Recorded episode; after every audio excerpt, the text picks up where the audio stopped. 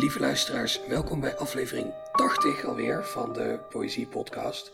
Dit keer eh, ga ik in gesprek met Astrid Harens. Welkom Astrid. Dank je. We zitten, we zitten niet op de zolder van Splendor, dat wil zeggen, ik zit daar wel. En met een straalverbinding heb ik contact met jou. Want dat is hoe we in de moderne wereld geografische problemen oplossen. Uh, maar desondanks vind ik het heel leuk dat het gelukt is. Mm. En uh, wat we ook mogen verklappen alvast, we gaan het zo uitgebreider over jouw werk hebben, maar als, als deze podcast uitkomt, dan is net één minuut geleden bekend geworden dat jouw debuutbundel genomineerd is voor de C. Buddingprijs. Ja. Uh, dat wist je al, toch? ja, ja. Niet iets, uh... Nee, dat wist ik al. Krijg je altijd heel veel zenuwen met dingen die eigenlijk nog geheim zijn. Ja, ja, ja. Hoe vind je het dat je genomineerd bent? Ja, ik ben heel blij. Het is een eer. Het is fijn. Uh, we gaan het zo hebben over jouw prachtige bundel, die, dat zal ik ook nog even zeggen, Oerhert heet. En heel mooi roze is. Uh, nee, daar gaan we het zo over hebben. Uh, eerst, je hebt een gedicht meegebracht van Ruxanda Cesarianu. Ja. Doe ik dat goed? Cesarianu. Ah, bijna. Ja. Is die Roemeens? Ja, klopt. Dat is een Roemeense dichter. Ja. Wil je er iets over zeggen of gaan we er gewoon naar luisteren? Uh, ik kan misschien zeggen dat het vertaald is door uh, Jan Mishkin. Vertalers dienen altijd alle lof te krijgen. Ja, zeker. Dat zeg ik ook als vertaler. ja. Oké, okay, nou, ik zou zeggen, steek van wal. Oké. Okay. Lila. De zee is een zachte kamer op de bovenste verdieping van het gekkenhuis. De bedden hebben kwallenruggen. Het water is vlezig, de nagels drijven zich in de algehemel. Rottende zon erboven, vers warm, rauw, verzegeld. De poten van de blinde hagedis zijn ingemetseld. Het wrak is een roestige buik. Vroeger streelde de zeelui het dagelijks, het had onderdanige zeeën. En nu ligt het daar zonder tanden, want het is een wrak altijd in het water, met onzichtbare ketenen als een overgroot moeder van mosselen en zand. Beschimmeld ijzervlees en glazige dode vissenogen. Dromen ze er nog soms van, de zeelui, die het op een regennacht hebben verlaten. Breiig verleden, de golven klokken en ontbladeren je.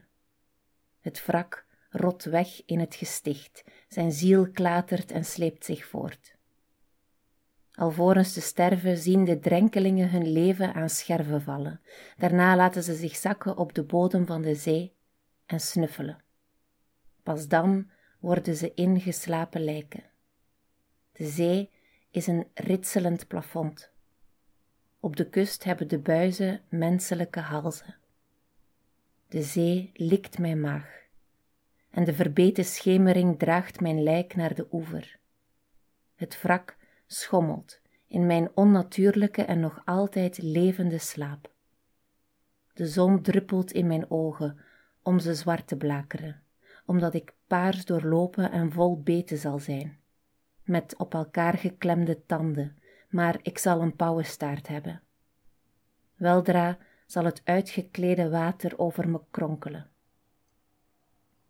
De ingeslapen drenkelingen komen met hun iris gezwollen mond. De zee mest ze, temt ze, geeft ze minnemoeders met weekdiervoeten en krabbenvaders. De hoofdverpleegster is vertrokken, de zwarte man is niet gekomen. Het wrak zingt met hangende ingewanden. Tot ver in de open zee kan men het fluiten horen van een dolzinnige trein die zich in zee wil werpen. Dankjewel. Wat een ontzettend mooi, maar ook grimmig gedicht. Ja, het is een grimmig gedicht, maar ja, ik, weet niet, ik vind het ook nog wel een beetje grappig eigenlijk. Ik vind dat er nog wel wat humor in zit op een of andere manier. Sowieso in, in, in al het werk dat ik gelezen heb van uh, Cesariano vind ik dat, omdat het zo over de top is soms qua beelden, uh, qua barokheid en qua um, horror. Het is eigenlijk bijna horror. Ik weet niet, ik... ik uh, of misschien ervaar ik de humor in het, in, in het plezier van het schrijven. Ik kan precies haar plezier voelen als het aan het schrijven is of zo. Ja, ze weet inderdaad wel heel smakelijk, of in, in dit geval dan een beetje onsmakelijk, uh, die, de juiste woorden uit te zoeken. Ja, ja ongelooflijke beelden vind ik, zoals uh, de zee is een ritselend plafond bijvoorbeeld. Ja. ja. Voor mij is dat niet grimmig. Voor mij is dat echt uh, prikkelend, spannend. Ja. ja, dat is waar. Het kan, kan naast elkaar bestaan, denk ik. Want ik bedoel, als ik aan die dat beschimmeld ijzervlees en glazige dode vissen ogen... ja. En uh, de, uh, rottende zon boven een, een algehemel. Ja, het is waar. Het is maar welke, in welke gemoedstoestand dat, dat, dat je bent, ook waarin je het leest, denk ik, dat dat veel doet met de lezing. ja, dat zou ook, zou ook kunnen. Ja. Een goed, goed gedicht past zich misschien ook een beetje aan aan de lezer. Ja, dat denk ik wel. Ja, zeker. En, en waarom heb je uit alle gedichten op aarde dit gedicht gekozen om hier te lezen vandaag? Ja, ik, uh, heel simpel gezegd, uh, toen ik de vraag van jou kreeg, was ik aan de zee, was ik aan de Middellandse Zee bij Marseille. Ik was echt al overweldigd door uh, de Middellandse Zee daar. Ik weet niet of je ooit al aan de, aan de Côte d'Azur bent geweest, maar dat blauw is echt waanzinnig. En toen dacht ik, ach, ik wil graag iets over de zee vertellen, of een gedicht over de zee meebrengen. En toen moest ik aan dit gedicht denken. En kan je misschien ook iets over Cesariano vertellen? Want ik had nog nooit van haar uh, gehoord. Misschien is dat een gigantische jaad in mijn opvoeding. Dan zal ik straks boos met mijn ouders bellen. Maar... nee, ik heb ze zelf ook nog maar een paar jaar geleden ontdekt hoor. Eigenlijk via een bloemlezing uh, van de Roemeense poëzie. Ook weer vertaald door uh, Jan Mischkin. Eigenlijk is er best veel Roemeense poëzie vertaald naar het Nederlands. Ja, en ik, ja, ik, ik weet niet zoveel over haar, maar ik weet dat ze heel erg bezig is. Of, ja, ik, heb, ik heb gelezen over haar dat ze probeert om eigenlijk een soort van psychedelische trance te vertalen naar poëzie. Um, en dat ze veel bezig is ook met technieken uit de uh, psychoanalyse bijvoorbeeld, om die om te zetten in poëzie. Ja, en dat ze ook bezig is met een soort, met, met erotisch schrijven ook, met erotiek binnen een tekst. En dat resoneert heel erg bij mij op dit moment in elk geval. Dus als ik haar teksten lees, ik vind het ook heel erotisch, uh, opwindend, zinnelijk. Um, ja, ik denk dat dat ook komt omdat dat natuurlijk, het is uh, vertaald vanuit het Roemeens, dus de, de context is anders, hè, de referenties uh, zijn anders, waardoor dat die beelden ook wat spannender opnieuw worden voor mij. Het schuurt een beetje, ik begrijp natuurlijk niet alles en er zijn veel dingen dat ik denk, ah, wat bedoelt ze daar nu mee? Hun iris gezwollen mond. Eh, misschien dat dat in het Romeins wel een, veel, uh, een heel ander of een begrijpelijker beeld is, bijvoorbeeld. Maar dat, ja, ik vind dat opwindend om te lezen. En misschien ook, um, soms ben ik mijn eigen, of de taal van de poëzie, of vooral mijn eigen taal, een beetje moe. Of ik voel dat er wat sleet op zit. En dan helpt het voor mij om vertaalde poëzie te lezen. Zeker van van niet-westerse uh, auteurs. Om een soort van, ja, daar zit een soort van scherpte in die mij weer wakker maakt. Ja, ik moet nu heel erg denken aan de vorige aflevering. Toen heb ik met Joost Ome eeuwenoude Azteekse poëzie gelezen. Waar, waarbij je dat ook kan hebben, inderdaad. Je, je stapt in een soort gedicht zonder context, waardoor je aan de ene kant harder aan het werk moet, maar aan de andere kant ook juist weer een grotere kans hebt om iets, iets heel nieuws te ontdekken. Ja, en dat, ja, dat, dat activerende of zo, als je zegt harder aan het werk, dat, dat apprecieer ik eigenlijk super hard bij een auteur. Want ik vind dat echt... Het irriteert mij echt vaak uh, als je zo als, als lezer of als... Of, moet ik het zeggen, als consument van kunst... Um, te veel krijgt voorgeschoteld wat het wat de boodschap is. Of ook met alle algoritmes krijg je gewoon voorgeschoteld wat je zou moeten kijken of horen. Dus ik, ik vind dat echt uh, fijn als je als uh, lezer actief in een tekst moet gaan staan. Ik vind dat bijna van, van respect uh, getuigen van de schrijver naar de lezer toe. Ja, er niet te veel synthese is of niet te veel een strikje rond, bijvoorbeeld.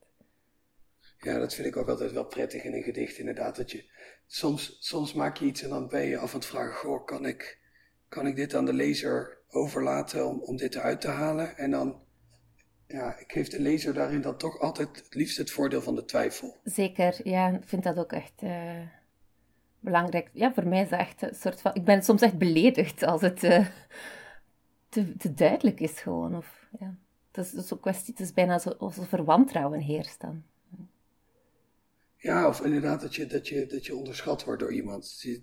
Oké, dit beeld komt weer voorbij. Ja, ik snap nu wel dat dit gedicht over je moeder gaat of zo. Dan, Ja. Ik kan dan ook een beetje kniftig worden op zo'n dichter.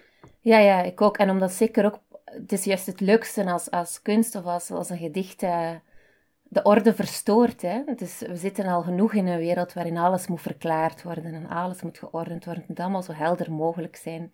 Dus uh, het is net heel fijn dat, dat iets disruptief werkt. Ja, dus, ja, dan ben je bij, met dit gedicht aan het, juiste, aan het juiste adres inderdaad. Ja. Omdat ook, ik zat ook terwijl ik naar je luisterde mee te lezen. Die luxe hebben onze luisteraars niet, maar ik lekker wel. En uh, ik, ik probeerde ook steeds te bedenken van oké, okay, uh, gaat het dan over een gesticht?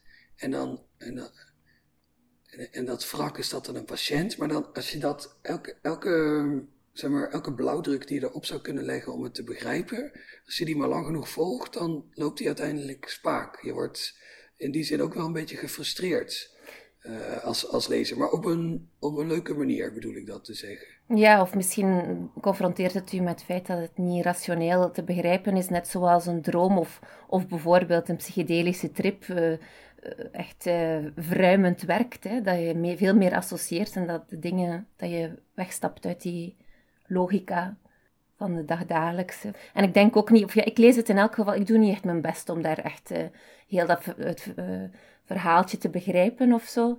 Maar wat ik fijn vind, is dat ze mij echt heel snel in mijn lichaam brengt, of dat ik bijna meteen fysiek iets voel erbij. Voordat het, natuurlijk passeert het door mijn brein, want ik lees het. Hè. Maar dat die betekenislaag, dat ik dat even aan de kant kan gooien, dat doet me zo'n deugd ik voel dat ik er een groot verlangen naar heb. Ja, nee, dat is inderdaad. Uh, ja, ik vind het ook, ik vind ook fijn als, dat, als, zo'n, zo'n, als je zo'n rationeel kader op zo'n gedicht uitprobeert en dat, en dat dat gedicht dan ook zegt: nee, nee, nee, nee, nee. Leg, leg dat nou maar weg. Ja. We, gaan, we gaan verder. Je hebt hier geen tijd voor. Je moet nu. Eh, of, of eigenlijk juist, je hebt alle tijd van de wereld binnen dit gedicht. Je, kan, je hoeft je niet druk te maken om, om duiding of om, om logica. Ja. Uh, je kan je gewoon mee laten voeren op deze beelden. En als die dan ook nog allemaal zo smakelijk uitgekozen zijn, dan, uh, ja, dan is het echt genieten geblazen. Ja, genieten en zelfs lachen voor mij. ja, die humor, die, die, die, moet ik nog even tegenkomen. Maar misschien als ik het straks nog een keer luister in de montage, dat ik dan ineens, uh, dat, dat dan ineens de clue tot mij komt. Dat zou kunnen ik denk gewoon door de overdrijving en ook door het, het spel. Het is meer hoe dat, hoe dat de auteur zich verhoudt tot de tekst en tot de lezer of zo. Ik weet niet, ik, ik ervaar daar veel speelse provocatie in. Ja. En je vertelde dat, je, dat deze, deze aanpak van uh, Cesariano eigenlijk een soort psychedelisch erotische manier van schrijven jou erg, erg aanspreekt op het moment. Is dat dan omdat je daar zelf ook mee aan de slag bent nu? Of zit je nog helemaal in de, in de weken van je bundel en, en ben je eigenlijk nog vooral... Zo, Radna Fabias vertelde een keer dat als ze net iets uit heeft, dat ze dan juist heel veel tot zich gaat nemen en dan ook niks kan schrijven. Is dat voor jou ook, werkt dat voor jou ook zo of, of heel anders? Ja, het boek is al een jaar geleden uitgebracht. Hè? Dus, um, ah, Maar ik heb inderdaad sinds tien, denk ik, misschien een paar gedichten in opdracht, maar niks uh, meer van poëzie echt geschreven. Ik ben nu eigenlijk met proza bezig. Maar ik denk wel dat ik, dat, ik, ja, dat ik nu heel hard inderdaad getrokken ben tot dit soort schrijven. Ik ben ook bijvoorbeeld veel uh, opnieuw aan het lezen, die dat ook doet in, veel teksten. Ja, misschien uit een soort van um, baldadigheid tegenover het feit dat ik ook al, al naar mijn gevoel veel heb mogen uh, vertellen over de bundel en mogen lezen uit de bundel. Maar ook omdat ik misschien in mijn dagdagelijkse leven veel spreek over literatuur en, en uh, schrijven, omdat ik lesgeef, misschien een verlangen heb naar een soort van uh, irrationele, meer associatievere manier van omgaan met literatuur. Ja. Zou je misschien in die geest het gedicht van Cesariano nog een keer voor ons willen lezen? Ja. Lila. De zee is een zachte kamer op de bovenste verdieping van het gekkenhuis. De bedden hebben kwallenruggen, het water is vlezig. De nagels drijven zich in de algehemel. Rottende zon erboven, vers warm rauw verzegeld. De poten van de blinde hagedis zijn ingemetseld. Het wrak is een roestige buik. Vroeger streelde de zeelui het dagelijks, het had onderdanige zeeën. En nu ligt het daar zonder tanden, want het is een wrak. Altijd in het water met onzichtbare ketenen als een overgroot moeder van mosselen en zand. Beschimmeld ijzervlees en glazige dode vissenogen. Dromen ze er soms nog van, de zeelui die het op een regennacht hebben verlaten. Breiig verleden, de golven klokken en ontbladeren je. Het wrak rot weg in het gesticht, zijn ziel klatert en sleept zich voort. Alvorens te sterven zien de drenkelingen hun leven aan scherven vallen. Daarna laten ze zich zakken op de bodem van de zee en snuffelen. Pas dan worden ze ingeslapen lijken. De zee is een ritselend plafond. Op de kust hebben de buizen menselijke halzen. De zee likt mijn maag en de verbeten schemering draagt mijn lijk naar de oever. Het wrak schommelt in mijn onnatuurlijke en nog altijd levende slaap. De zon druppelt in mijn ogen om ze zwart te blakeren, omdat ik paars doorlopen en vol beten zal zijn met op elkaar geklemde tanden, maar ik zal een pauwenstaart hebben. Weldra zal het uitgeklede water over me kronkelen. De ingeslapen drenkelingen komen met hun iris gezwollen mond. De zee mest ze, temt ze, geeft ze minnemoeders met weekdiervoeten en krabbenvaders. De hoofdverpleegster is vertrokken, de zwarte man is niet gekomen, het wrak zingt met hangende ingewanden. Tot ver in de open zee kan men het fluiten horen van een dolzinnige trein die zich in zee wil werpen. Het beeld van die drenkelingen die snuffelen op de bodem van de zee, dat is toch een beetje grappig. Ja, dat is inderdaad best wel grappig, ja. ja, ik moet dan ook wel aan van die, aan van die leuke vissen denken die hier zo over de bodem. Uh, maar als je inderdaad bedenkt dat het drenkelingen zijn, dan. Uh, ja, ja het, begint, het begint te dagen bij me nu, eindelijk. oh. hey, over naar jouw bundel, Oerhert. En dan wil ik eerst even heel oppervlakkig stilstaan bij het uiterlijk van de bundel. Die is namelijk roze. Ik ben een grote voorstander van roze. Maar hij is, hij is niet alleen maar aan de buitenkant roze, maar het is ook roze, roze papier.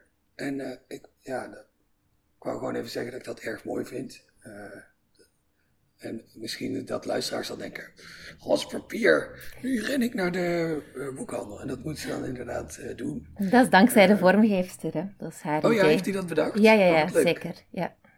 En jij was meteen, je stond meteen op de banken toen je hoorde ja. van dat idee. Ja, zeker. Ja, het, is ook, het werkt erg goed, vind ik. Het is hij is heel mooi. Maar goed, het gaat natuurlijk om de inhoud. Uh, en jij hebt een gedicht uitgekozen uit je bundel. Ja. Een heel lang gedicht, zei je. Ja, maar ik ga het niet helemaal voorlezen.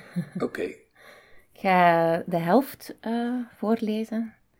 Het is uh, een gedicht uit de eerste afdeling. Allee, eigenlijk is de eerste afdeling een volledig gedicht. het bestaat uit verschillende delen. En ik ga de eerste drie delen voorlezen. En de titel is Opkomst.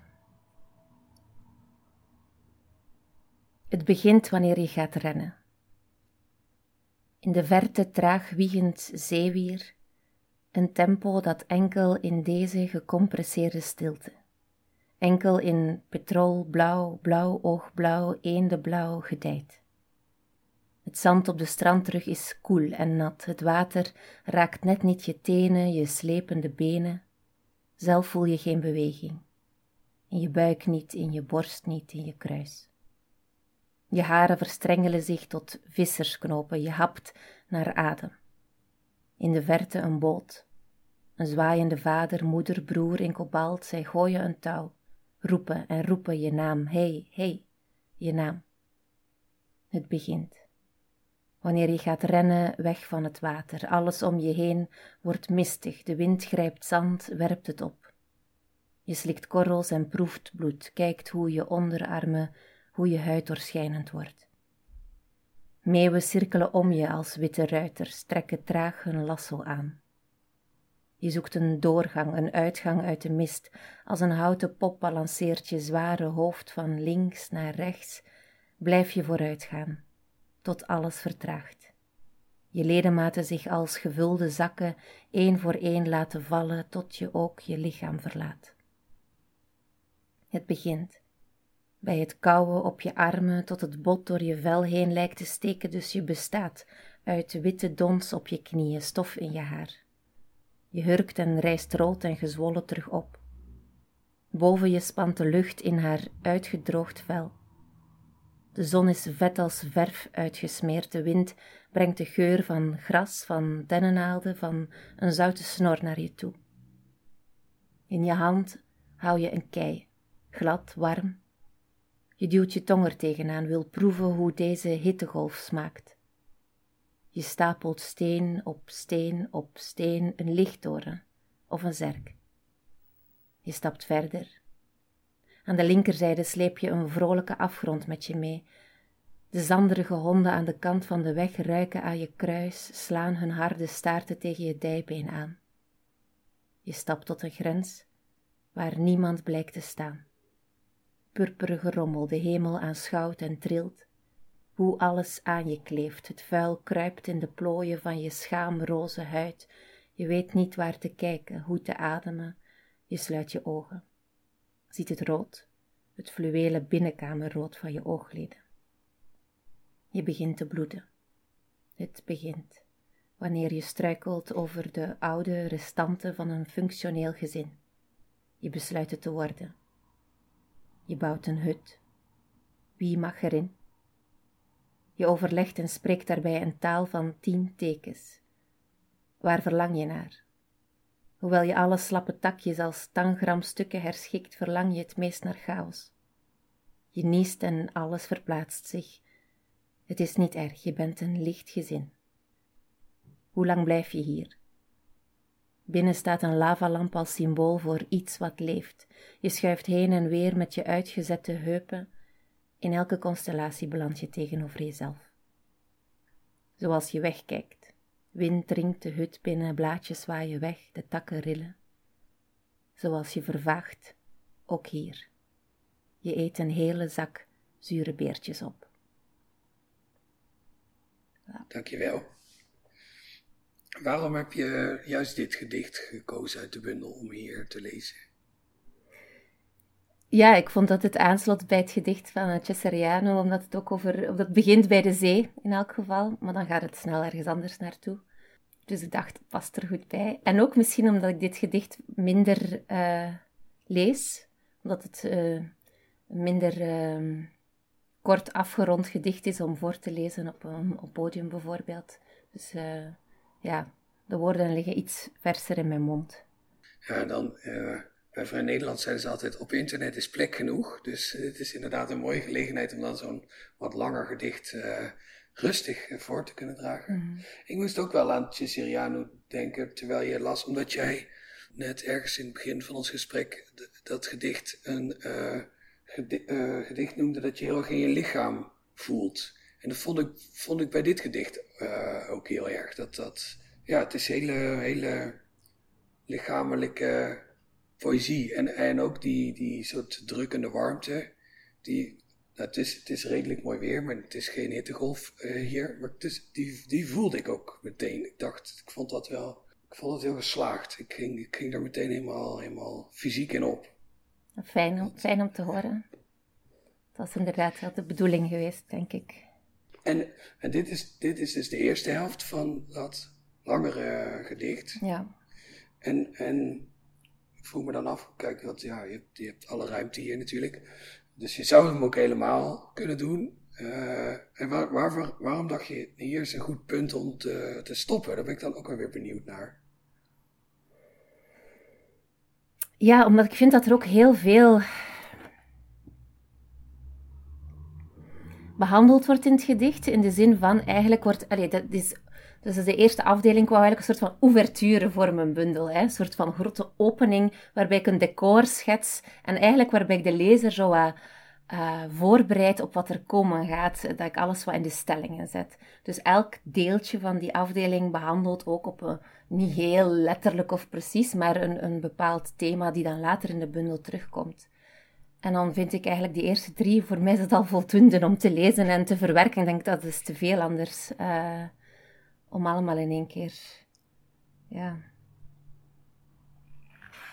te horen, denk ik. En daarna wordt het misschien ook een beetje. Zit er meer frictie in de beelden? Ik weet het niet goed. Ja, het is natuurlijk inderdaad ook al wel een, een hele bak met beelden en gevoelens die je te verwerken krijgt ja, als luisteraar. Ja, en ik moet wel zeggen dat ik vaak uh, bang ben bijna om te veel uh, te lezen, omdat ik bang ben dat ik echt inderdaad, wat je zegt, een bak met beelden stort op de kop van de lezer en dat die dan echt, uh, ja, dat het ook te zwaar en te veel is. En dat ik denk, daar heb ik wel wat schrik voor altijd als ik lees uit de bundel. Ja, maar net als, net als de lezer moeten we misschien ook de luisteraar niet onderschatten. Hè? Die dat is waar. ook een hoop hebben. Dat is waar. Maar wat een, wat een mooi idee uh, zeg maar, van die over. Oerhertz eigenlijk een soort opera. Je krijgt eerst eh, de overturen waarin alle thema's alvast een keer voorbij komen en daarna worden ze allemaal rustig uitgewerkt. Ja, ja, zo zie ik dat wel. En ook, uh, er is ook wel een, ja, een idee van ruimtes hè, of decors uh, en de eerste uh, ouverture of die opkomst daar, het begint aan de zee. Hè, dus er is een wijd landschap, er is veel ademruimte, er je kunt ver kijken. Maar bij elke afdeling wordt de, de ruimte van het gedicht een beetje benepener. het wordt een beetje claustrofobischer. Hè, dus in de tweede afdeling speelt het zich dan af meer in het binnenland op het platteland. Maar in de derde afdeling speelt het zich in verschillende kamers af. De vierde afdeling is er maar één kamertje. En de vijfde afdeling zitten ze, zitten ze, zitten het lyrische ik in een hut, maar wel weer op de zee. Dus dan is er, uh, op het strand liever. Dus dan is er weer uh, ruimte en mogelijkheid tot ontsnapping. Wat een mooie beweging klinkt als een, als een, en dat bedoel ik absoluut niet negatief, als een hele gecomponeerde bundel als je het zo vertelt. Je hebt over heel veel dingen nagedacht. Ja, wel ja, maar het, grappige, of ja, het opvallende is, is dat er ook pas veel achteraf duidelijk is geworden na het schrijven voor mij. Dus dat wel redelijk uh, gevoelsmatig is uh, gecomponeerd of samengesteld en geschreven. Dat, dat vind ik zo spannend aan gedichten altijd. Hè? Dat je dan, je, je maakt iets en, en je hebt zelf het gevoel dat je misschien ook wel redelijk op aan het letten bent met wat je aan het doen bent.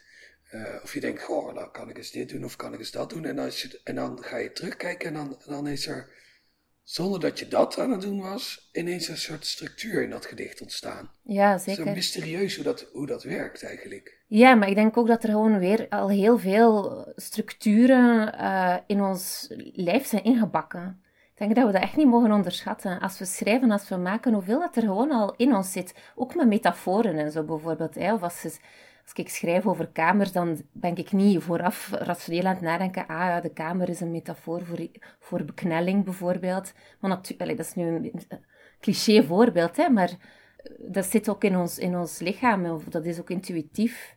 Dat er veel... Uh, in ons zit, ook qua verhaalstructuren bijvoorbeeld, en plot en wendingen en zo. Denk als we intuïtief schrijven, dat dat, eh, dat, dat daar toch allemaal insluipt.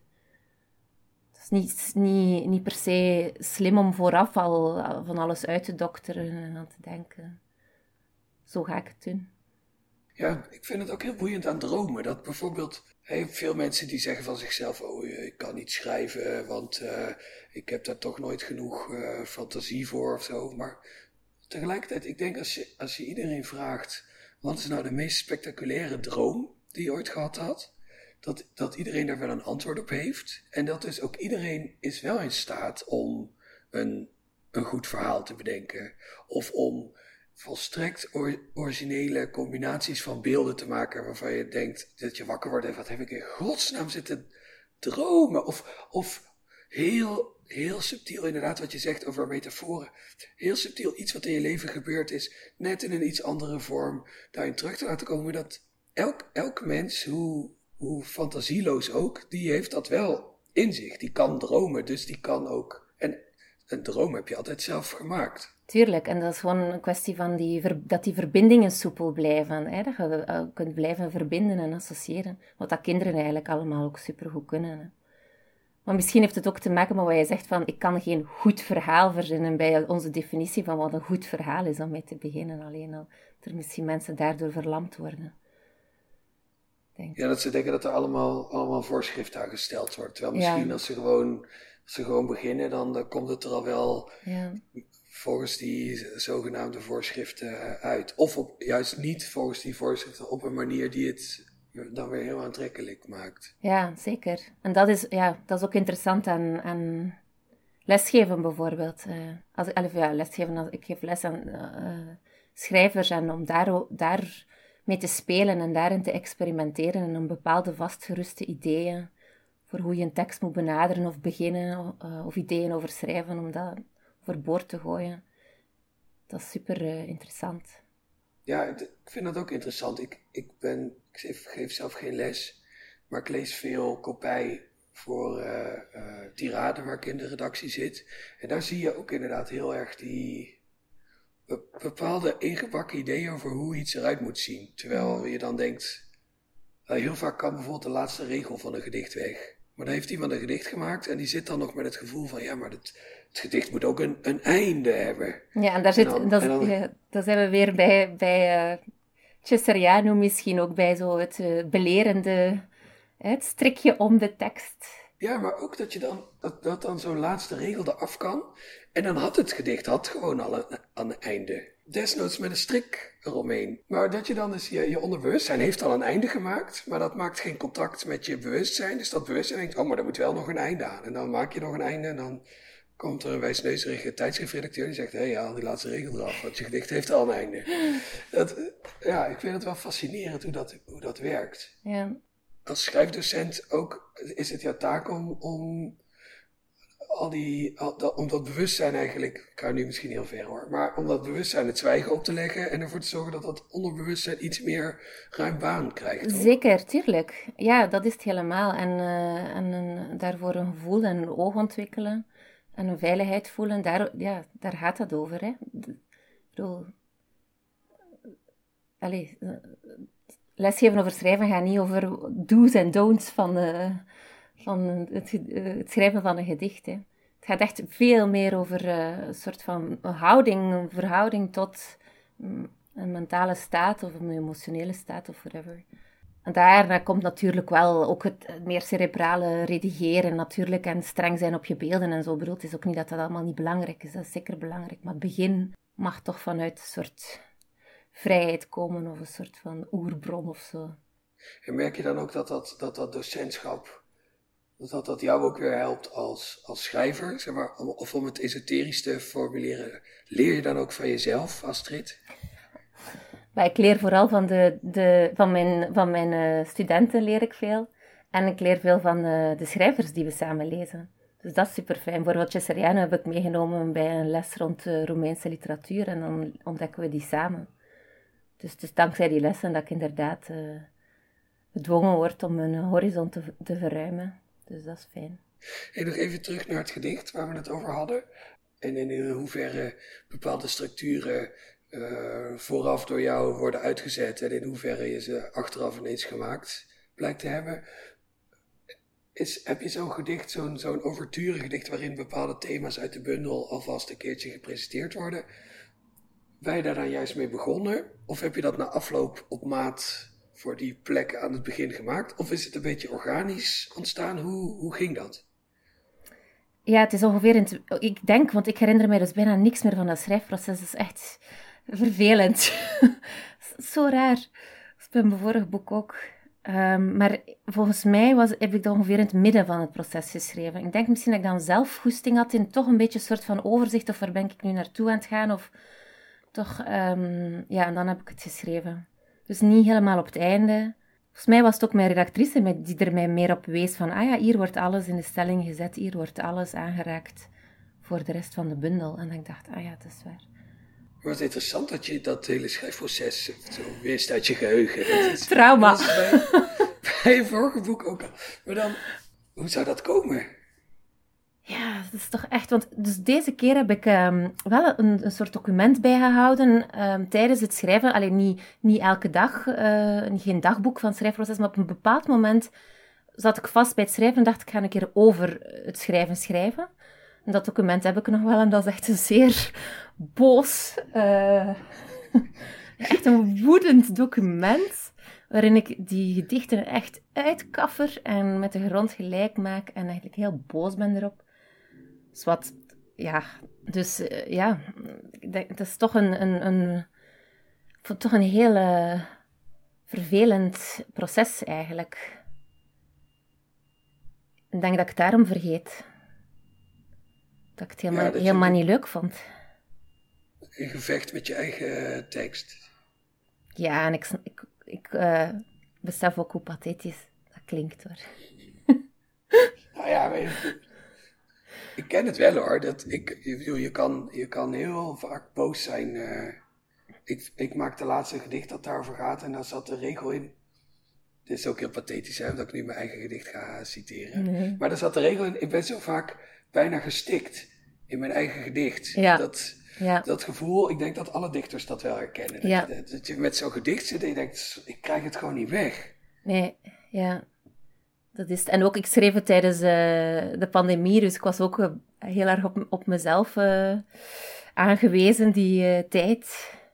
Dus ik denk dat dat daar ook mee te maken had, dat ik echt een beetje gek werd in mijn hoofd. Maar goed. Ja, toen waren we allemaal kwaad, inderdaad. Ja, ja. Um, nou, op deze mooie positieve noot zou, zou, ik je willen vragen om je gedicht nog een keer te lezen. Ook, en dat zeg ik vast voor de luisteraars, omdat we nu echt tegen de grenzen van de akoestiek binnen Splendor aanlopen. Er is hier beneden namelijk een muziekles voor kinderen aan de gang. En ik denk, Astrid, dat jij het niet kan horen, maar ik wel. Uh, maar het is misschien ook wel weer een hele mooie nieuwe dimensie voor jouw gedicht. Dat daar dan kinderen die op een piano hengsten als een soort soundscape onder liggen. En zo zie je dat zich, zich nu heel stil houden. Maar, uh, nou ja, goed. Oké. Het begint wanneer je gaat rennen. In de verte traag wiegend zeewier een tempo dat enkel in deze gecompresseerde stilte, enkel in petrolblauw, blauw oogblauw, eendeblauw gedijt. Het zand op de strandrug is koel en nat, het water raakt net niet je tenen, je slepende benen. Zelf voel je geen beweging in je buik niet, in je borst niet, in je kruis. Je haren verstrengelen zich tot vissersknopen, je hapt naar adem. In de verte een boot, een zwaaiende vader, moeder, broer in kobalt. Zij gooien een touw, roepen en roepen je naam, hey, hey, je naam. Het begint. Wanneer je gaat rennen, weg van het water, alles om je heen wordt mistig, de wind grijpt zand, werpt het op. Je slikt korrels en proeft bloed, kijkt hoe je onderarmen, hoe je huid doorschijnend wordt. Meeuwen cirkelen om je als witte ruiters, trekken traag hun lasso aan. Je zoekt een doorgang, een uitgang uit de mist.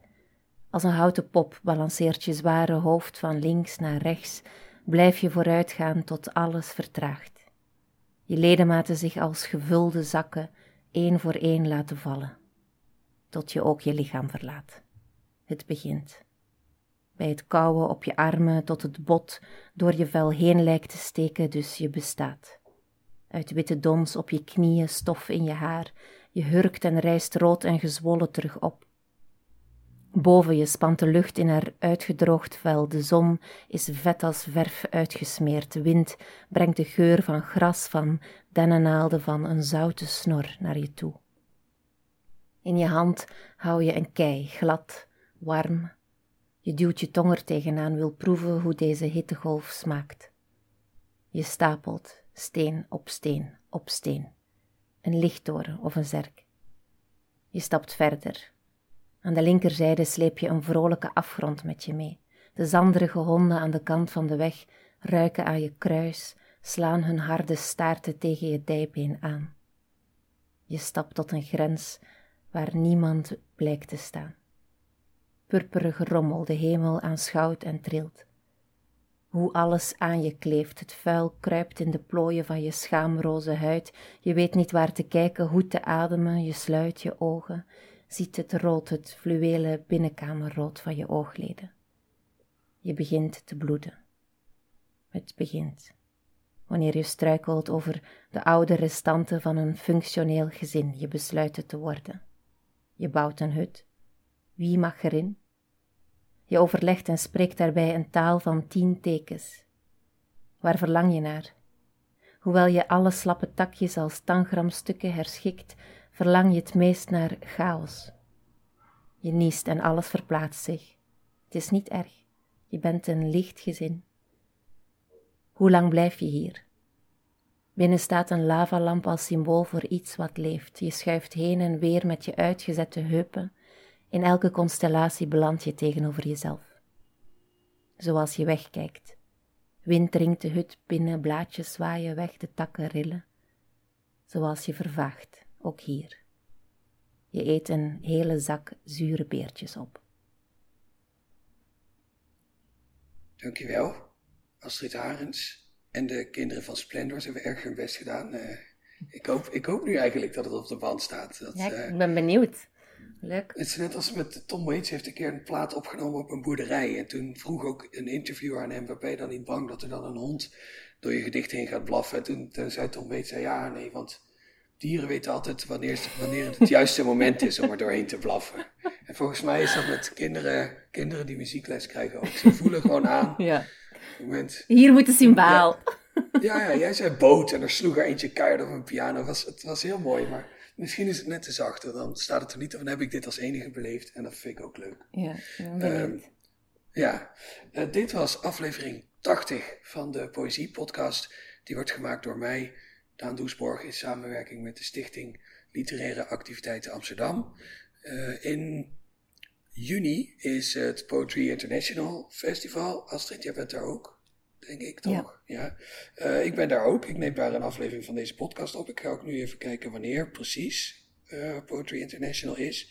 Want dat staat in mijn agenda. 19 en 11 juni. Op een van die dagen wordt ook de C. Buddingprijs voor het beste Nederlandstalige debuut uitgereikt. Uh, misschien wel aan Astrid, misschien ook aan iemand anders. Uh, in ieder geval werd de muziek bij deze podcast gemaakt door Bart de Vrees. Dankjewel, klakson van een bus. Uh, ik uh, zie jullie volgende, volgende maand weer. dan zit hier, en we weten nog niet wie dat is, de winnaar van de grote poëzieprijs. En dan in juni ben ik op Poetry International. Kortom, een grote, lange, hete poëziezomer.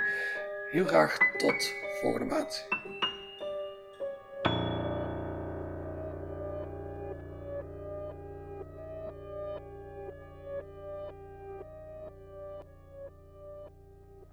Je luisterde naar een aflevering van de Poëzie Podcast. Daan Doesborg is schrijver en presentator. In 2010 werd hij Nederlands kampioen Poetry Slam. Momenteel werkt hij aan zijn debuutroman, die zal verschijnen bij uitgeverij van Oorschot. De Poëzie Podcast wordt mede mogelijk gemaakt door de Stichting Literaire Activiteiten Amsterdam. Bij ons draait alles om literatuur. We maken programma's voor de hele stad, online en offline. Al onze podcasts zijn ook te beluisteren via onze website www.sla.nl slash slaakast.